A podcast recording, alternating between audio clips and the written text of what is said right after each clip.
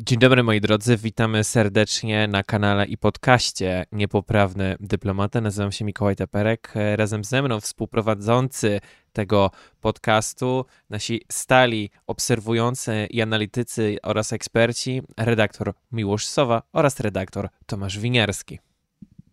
Witam panowie i dzień dobry wszystkim naszym widzom.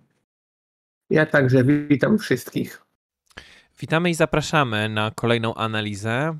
E, tym razem poświęcimy swoją uwagę nie tylko Stanom Zjednoczonym, bo oczywiście będziemy mówili o nich w kontekście oczywiście roszad mocarstwowości na świecie, ale skupimy się także na ich, jego Stanach Zjednoczonych, na ich konkurentach.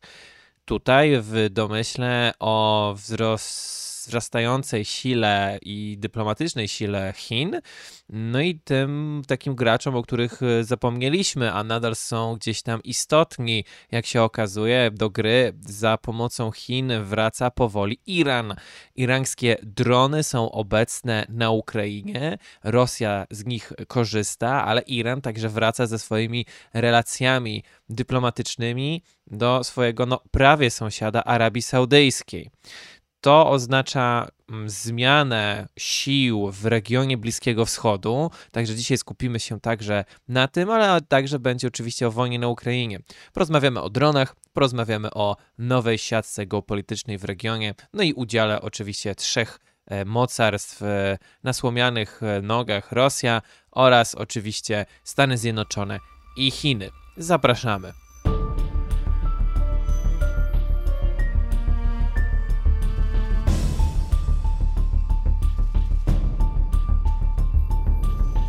Wracamy po intrze. E, razem ze mną redaktor Tomasz Winiarski oraz redaktor Miłosz Sowa. Ja nazywam się Mikołaj Teperek. Zachęcamy Was do e, wsparcia naszego dyplomatycznego studio na Patronite. Dzięki temu możemy serwować Wam częściej nowe materiały. No i oczywiście najważniejsza rzecz, będziemy wracać z live'ami. Postaramy się, żeby były co tydzień lub co dwa tygodnie na, mm, na YouTubie w formie podsumowania tygodnia, tak jak niegdyś. Zobaczymy, mm, jak e, ta ten powrót tego formatu Wam się przyjmie, także zapraszamy w piątki wieczorami, pewnie koło 20. Będziemy ogłaszać, także obserwujcie wszystkie media społecznościowe, żeby być oczywiście na bieżąco w tym, co będziemy dla Was serwować, bo wiem, że dużo widzów nie dostaje tych powiadomień, e, a szkoda, ponieważ e, wrzucamy coraz e, częściej. Zapraszamy Was także na nasze media społecznościowe, gdzie możecie obserwować nasze nitki twitterowe i zaplecze właśnie naszych produkcji, informacji, także na Twittery Tomasza Wingerskiego, Miłosza Sowy, no i Cóż, zaczynamy, nie ma co przedłużać. Moi drodzy, po pierwsze, patrząc na mapę, Arabia Saudyjska to nie są Zjednoczone Emiraty Arabskie. Jak widzicie, różnica jest y, istotna, ale zaczniemy od tego najpierw, co się dzieje na froncie ukraińskim. Moi drodzy, y, w ostatnim czasie mieliśmy bardzo ciekawą sytuację na Morzu Czarnym. Zobaczymy i przeanalizujemy to od y, tematu stosunku prawa międzynarodowego, ponieważ mieliśmy sytuację, w której dron został strącony poniekąd przez mm, amerykański dron mm, przez e, rosyjski Su-27, dron MK9, e, tak zwany Reaper.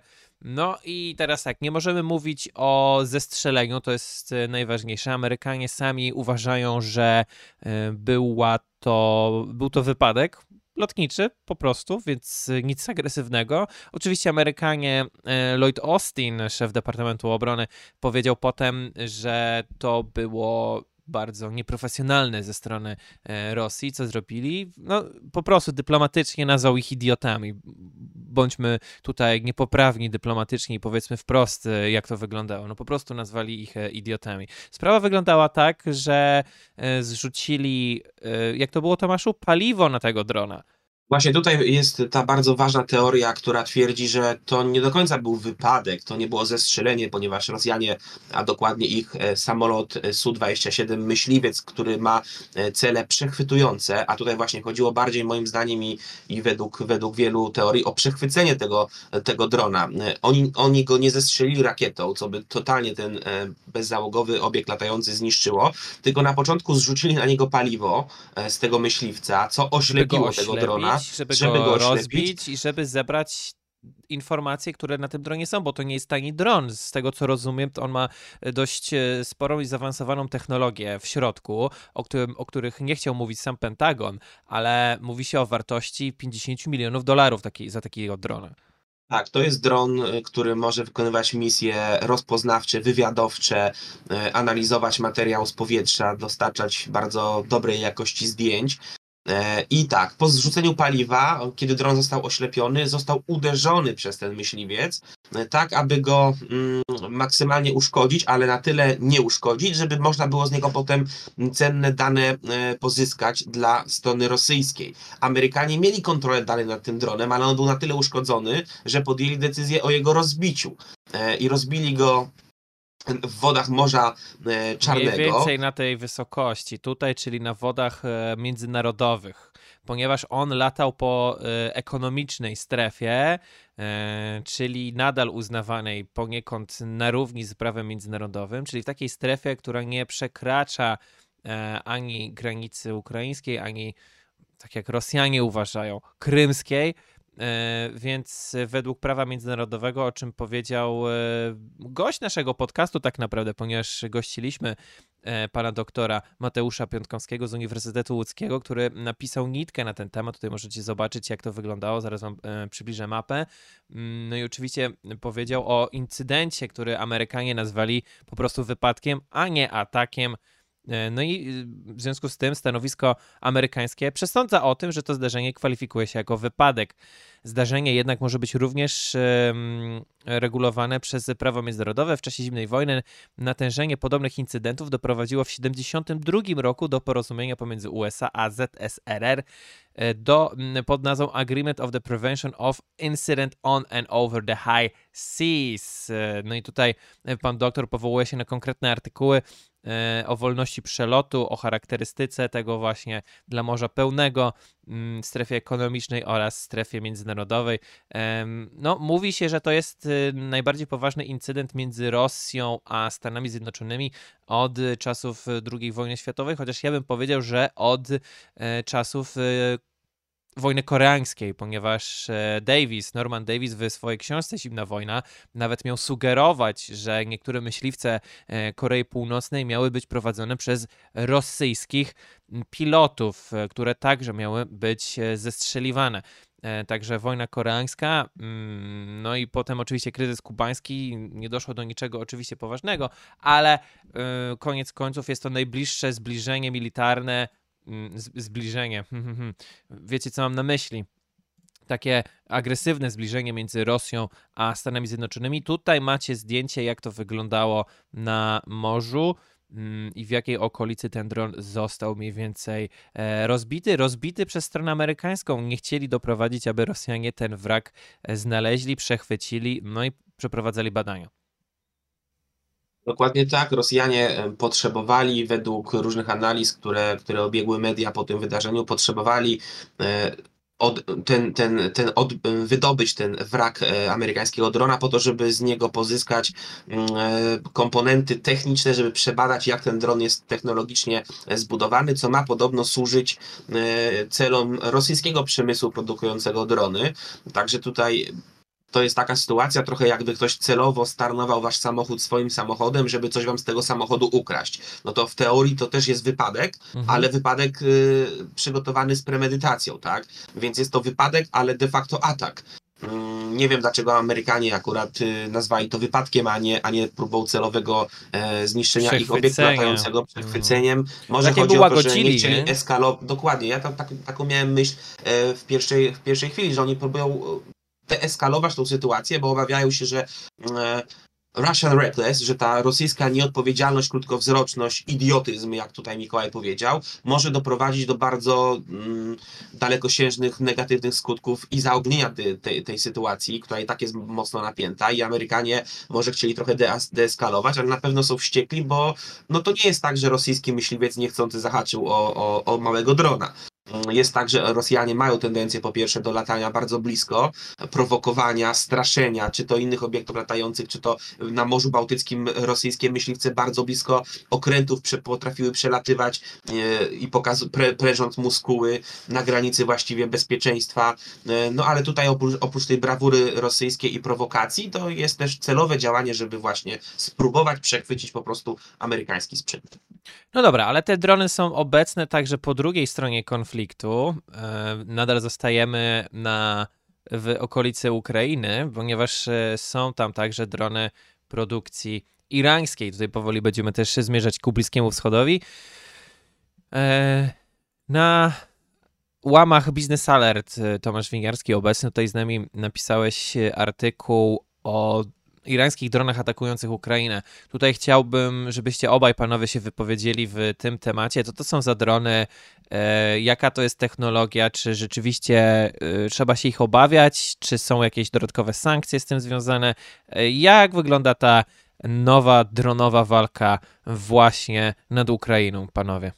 Może ja powiem e, tutaj wprowadzenie, jak to wygląda strategicznie i kto nam te dane mm, o irańskich dronach na Ukrainie naj, najlepsze przekazał, a Miłosz może opowie o tym, jakie to są drony, ich kwestiach technicznych e, i do czego są używane na froncie wojny ukraińskiej. No przede wszystkim mm, faktycznie w tej wojnie na, na Ukrainie e, Moskwa na ogromną skalę używa dronów, które są produkowane w Iranie i jej dostarczane. E, ale używa ich między innymi jako e, alternatywy dla, dla tradycyjnych pocisków rakietowych, które Rosji się kończą, które są bardzo drogie, a drony jak widać, drony kamikadze, drony samobójcze, których celem na przykład jest tylko to, żeby uderzyć w jakiś cel na ziemi e, i one potem są niszczone, nie do odzyskania, to są drony jednorazowego użytku często. Nie wszystkie, ale, ale niektóre tak. I raport Departamentu Obrony e, USA jakiś czas temu przybliżył dane techniczne e, tych irańskich bezzałogowych e, pojazdów latających. I teraz jak to wygląda geopolitycznie na arenie międzynarodowej? Teheran, czyli Iran, nie ukrywa, że że Moskwie własnej produkcji drony sprzedawał. Szef MSZ-u irańskiego jednak twierdził, że te transakcje były realizowane jeszcze przed rozpoczęciem inwazji na Ukrainę przez Kreml. Natomiast, y, no właśnie, mamy y, różne informacje, chociażby niezależnych irańskich organizacji, które działają na przykład w Paryżu, ale także mediów, chociażby The Guardian, który informował, że przynajmniej 18 irańskich maszyn bezzałogowych miało zostać dostarczonych Rosji mm, w listopadzie zeszłego roku, bezpośrednio po tym, jak miała miejsce e, wizyta rosyjskiej delegacji i bilateralne spotkanie rosyjsko-irańskie w Teheranie. E, jak te drony na terytorium e, Rosji docierały? No właśnie tutaj media izraelskie mm, dają trochę informacji, bo według e, mediów izraelskich dostawy były prowadzone przez Morze Kaspijskie oraz drogą powietrzną przy użyciu kilku linii lotniczych. Także prezydent Ukrainy Wołodymir Zełenski i w ogóle strona ukraińska wielokrotnie adresowała problem wykorzystywania przez Mm, przez stronę rosyjsko-irańskich e, dronów. Mm, prezydent Załęski jakiś czas temu w Kijowie fotografował się przy właśnie rozbitym wraku e, bezzałogowego mm, pojazdu latającego, który miał być właśnie dronem irańskiej produkcji. E, co prawda, Iran tak dyplomatycznie próbuje rozgrywać tę sytuację, przynajmniej próbował jakiś czas temu, sugerując, że jeżeli otrzyma dowody wskazujące na to, że Rosja używa ich dronów w wojnie na Ukrainie, to podejmie odpowiednie kroki, co oczywiście jest typową dyplomatyczną zasłoną dymną, ponieważ Iran świadomie sprzedaje Rosji mm, te drony po to, żeby wspomóc Rosję. To świadczy z jednej strony o tym, że no, na to zwraca chociaż uwagę Ben Hodges, były dowódca amerykańskich wojsk lądowych w Europie, to zwraca uwagę, że skoro Rosja ma konieczność kupowania dronów irańskiej produkcji, no to oznacza w, w w sposób jasny i klarowny, że sytuacja rosyjskiego, rodzimego rosyjskiego przemysłu zbrojeniowego jest w bardzo złej kondycji, bo nie jest on w stanie samodzielnie produkować tego typu maszyn na własne wojskowe potrzeby. A z drugiej strony wskazuje to na, mm, na to, że Teheran e, objął kurs na znaczną poprawę relacji z Rosją. Te kraje miały dobre relacje tradycyjnie, natomiast e, tak silne zaangażowanie Teheranu e, we wspieranie Rosji świadczy o tym, że tutaj jest, e, padła decyzja w Teheranie o tym, że stawiamy all-in na Rosję i tutaj, tak jak możecie kojarzyć z czasów administracji Obamy, próby porozumienia się z Iranem, jakiegoś nuclear deal, zniesienia sankcji, no to teraz widzimy, że w tej sprawie ogólnie podejścia do, do, Iranu, do Iranu rację mieli raczej republikanie, którzy E, wskazywali na to, że kraj ten jest niewiarygodny absolutnie w żadnych negocjacjach i w żadnych porozumieniach i jego wielkie wsparcie dla zbrodniczej, bezprecedensowej w najnowszej, w najnowszej historii e, e, wojnie prowadzonej przez Rosję, wojnie napastniczej, no pokazuje, że Iran jest państwem na równi terrorystycznym jak, jak Federacja mm, Rosyjska. A jeżeli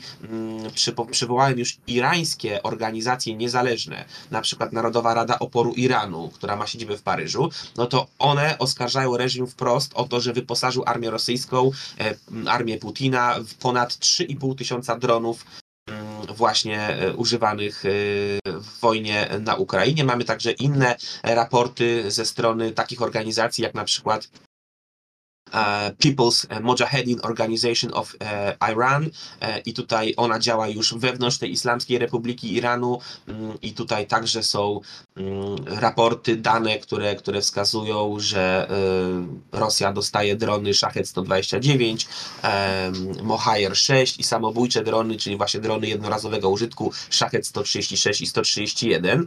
Mm, no i tutaj to jakby, jakby wskazuje także, że strona ukraińska, która apelowała o wyjaśnienie tej sprawy, od początku, od początku miała rację.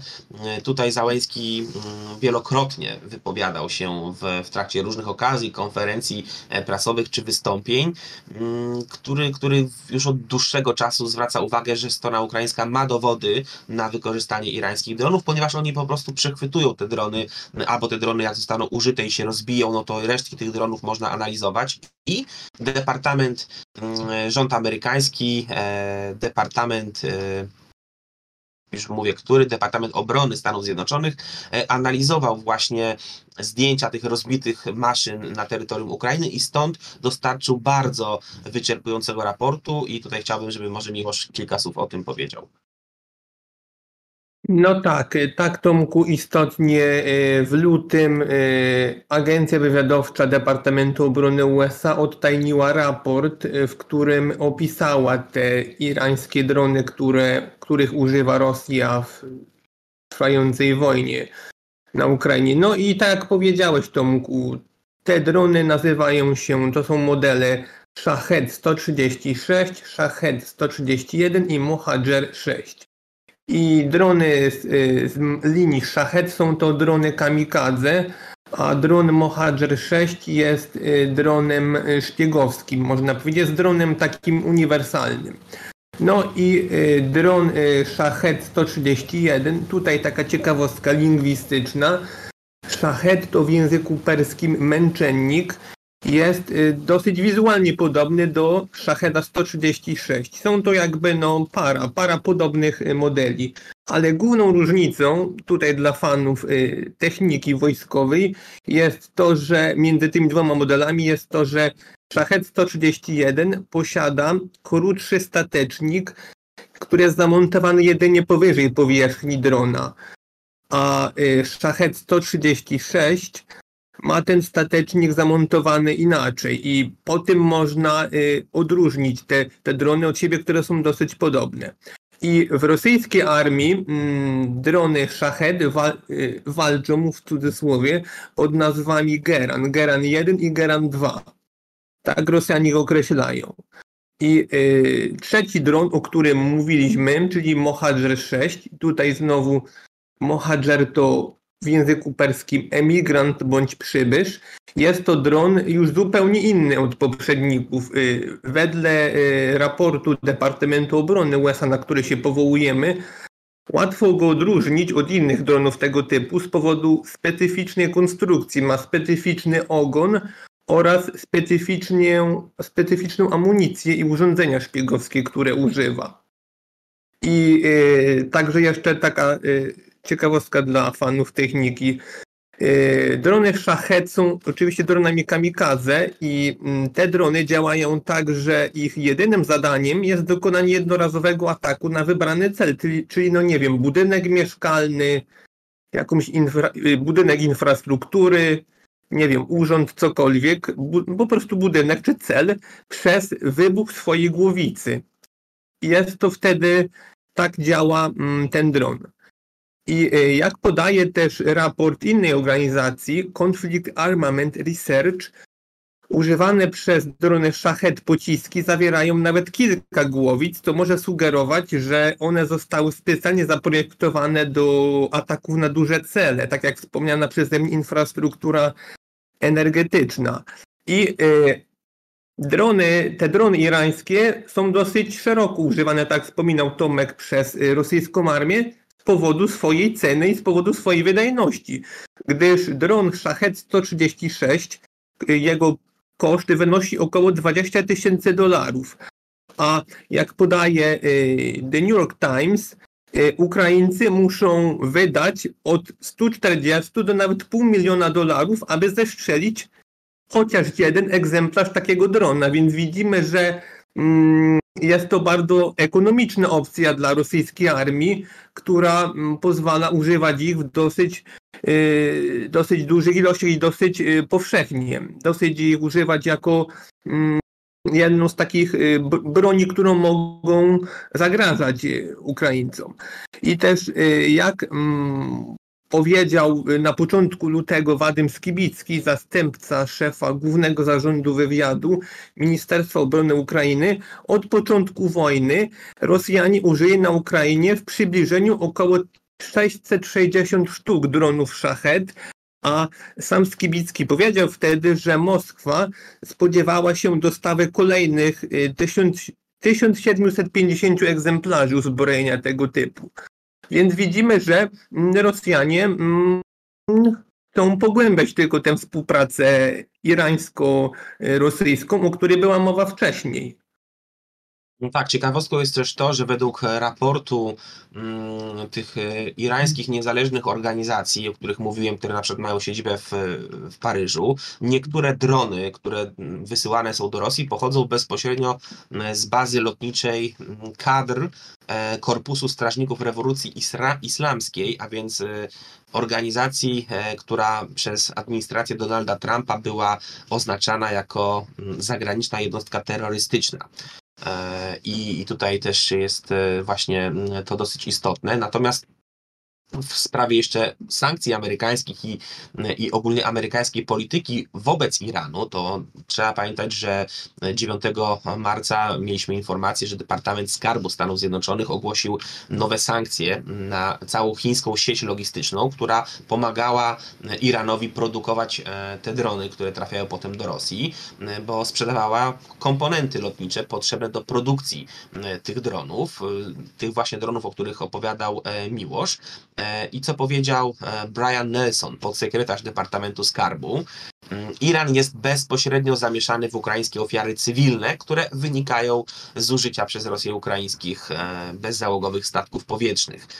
Stany Zjednoczone, jak twierdzi pan podsekretarz, będą nadal atakować globalne irańskie sieci zaopatrzeniowe, które dostarczają Rosji śmiercionośne drony do wy wykorzystania w, jak to wprost nazwał, nielegalnej wojnie e, na Ukrainie. Wiemy o tym, że pięć chińskich firm i jedna e, osoba zostały ukarane e, właśnie przez Departament Skarbu USA za wysyłanie tysięcy komponentów lotniczych do Iranu.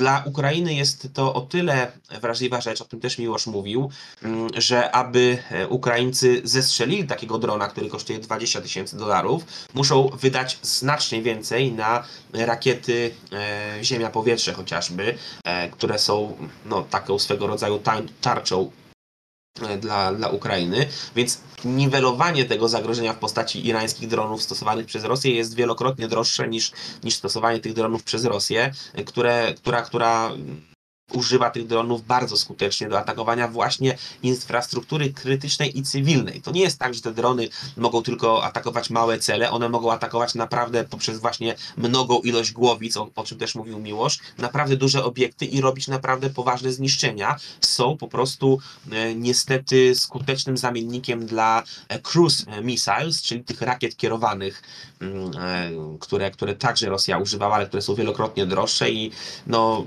na wyczerpaniu poniekąd, dlatego właśnie zwrot w kierunku tych dronów.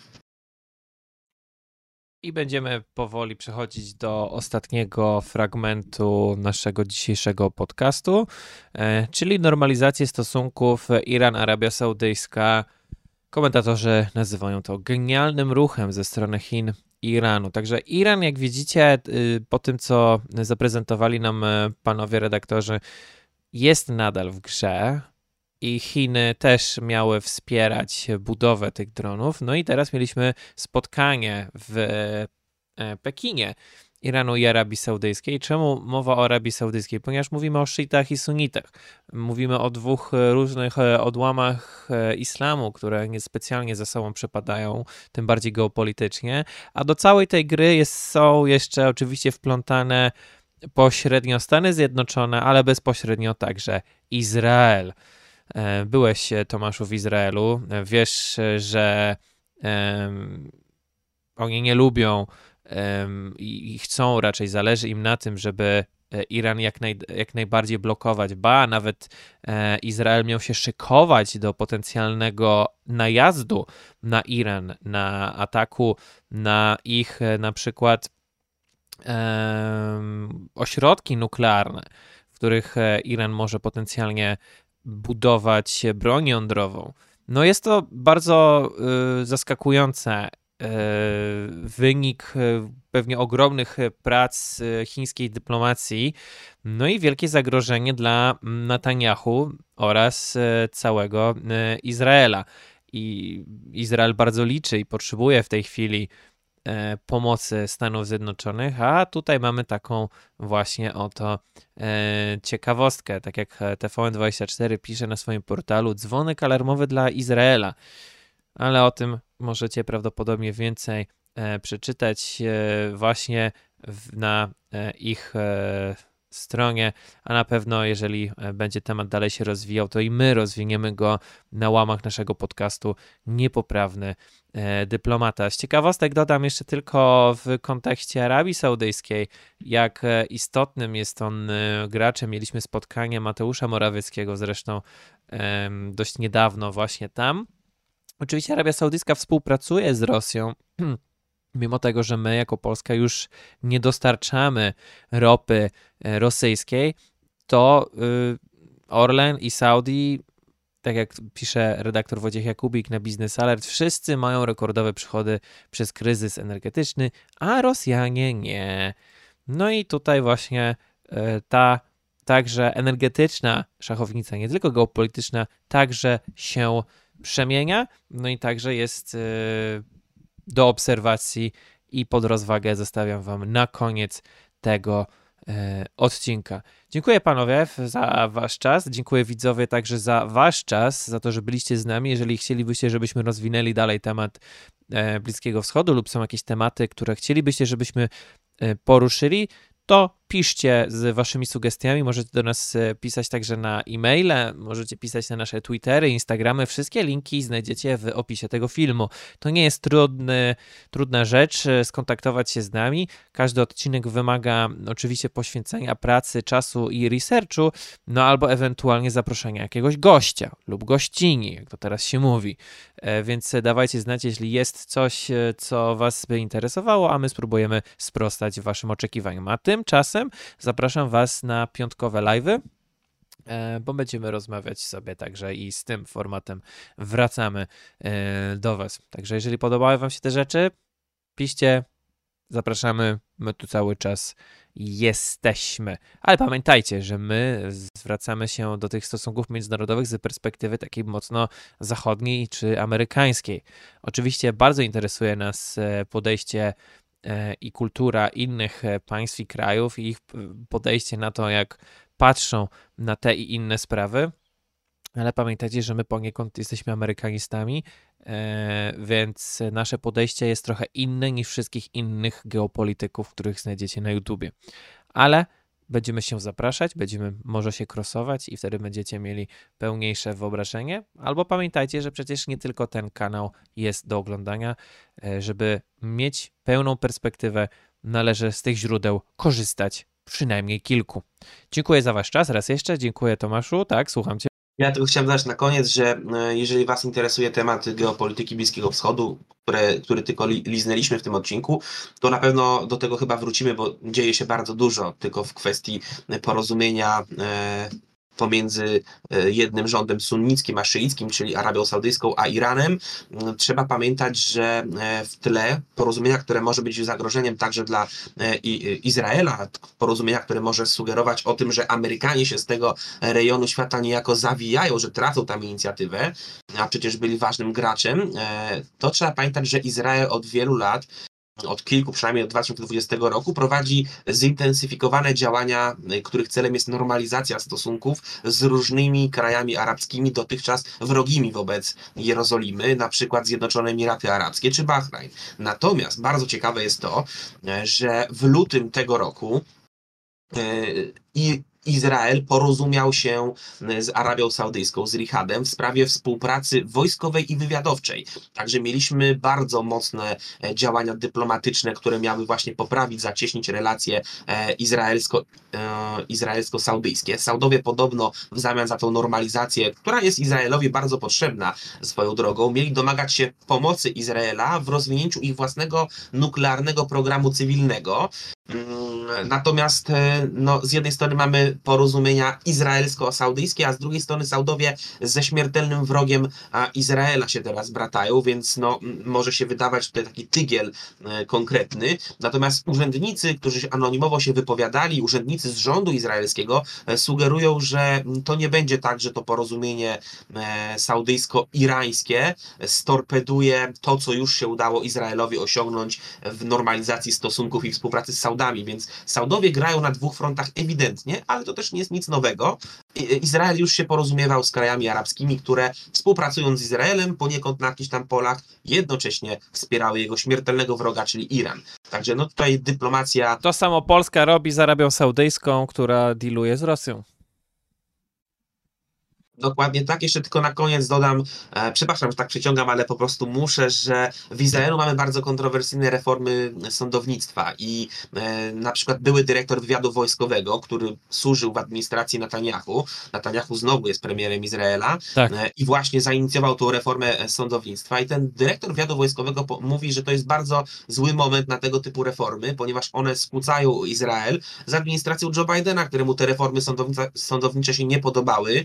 Mm, i, I tutaj zdaniem byłego dyrektora wywiadu wojskowego Izraela, no to nie jest czas i, i Netanyahu powinien się skupić na przeciwdziałaniu zagrożeniom, jakie stanowi Iran i jakie mogą wyniknąć ze zbliżenia saudyjsko-irańskiego, a nie na zajmowaniu się polityką stricte wewnętrzną i właśnie tak gruntownymi, e, kontrowersyjnymi e, reformami sądownictwa. Więc no, mamy głos krytyki z, od człowieka związanego mocno z wywiadem, który służył w administracji Netanyahu, więc to, to jest tym bardziej ciekawe.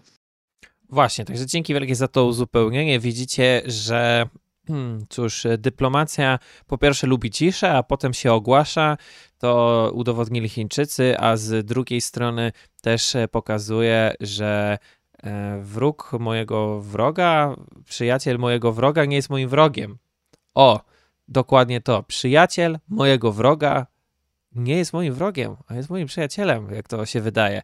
Dlatego Saudi Aramco też przejęło części rafinerii gdańskiej, ale to musieli, ponieważ taka była wola e, Komisji Europejskiej. Także widzicie, jak te rozdania wyglądają. Bardzo ciekawie. Zapraszamy Was do kolejnych odcinków i widzimy się masło maślane w kolejnych odcinkach. Do zobaczenia. Trzymajcie się, cześć. Ej, do zobaczenia.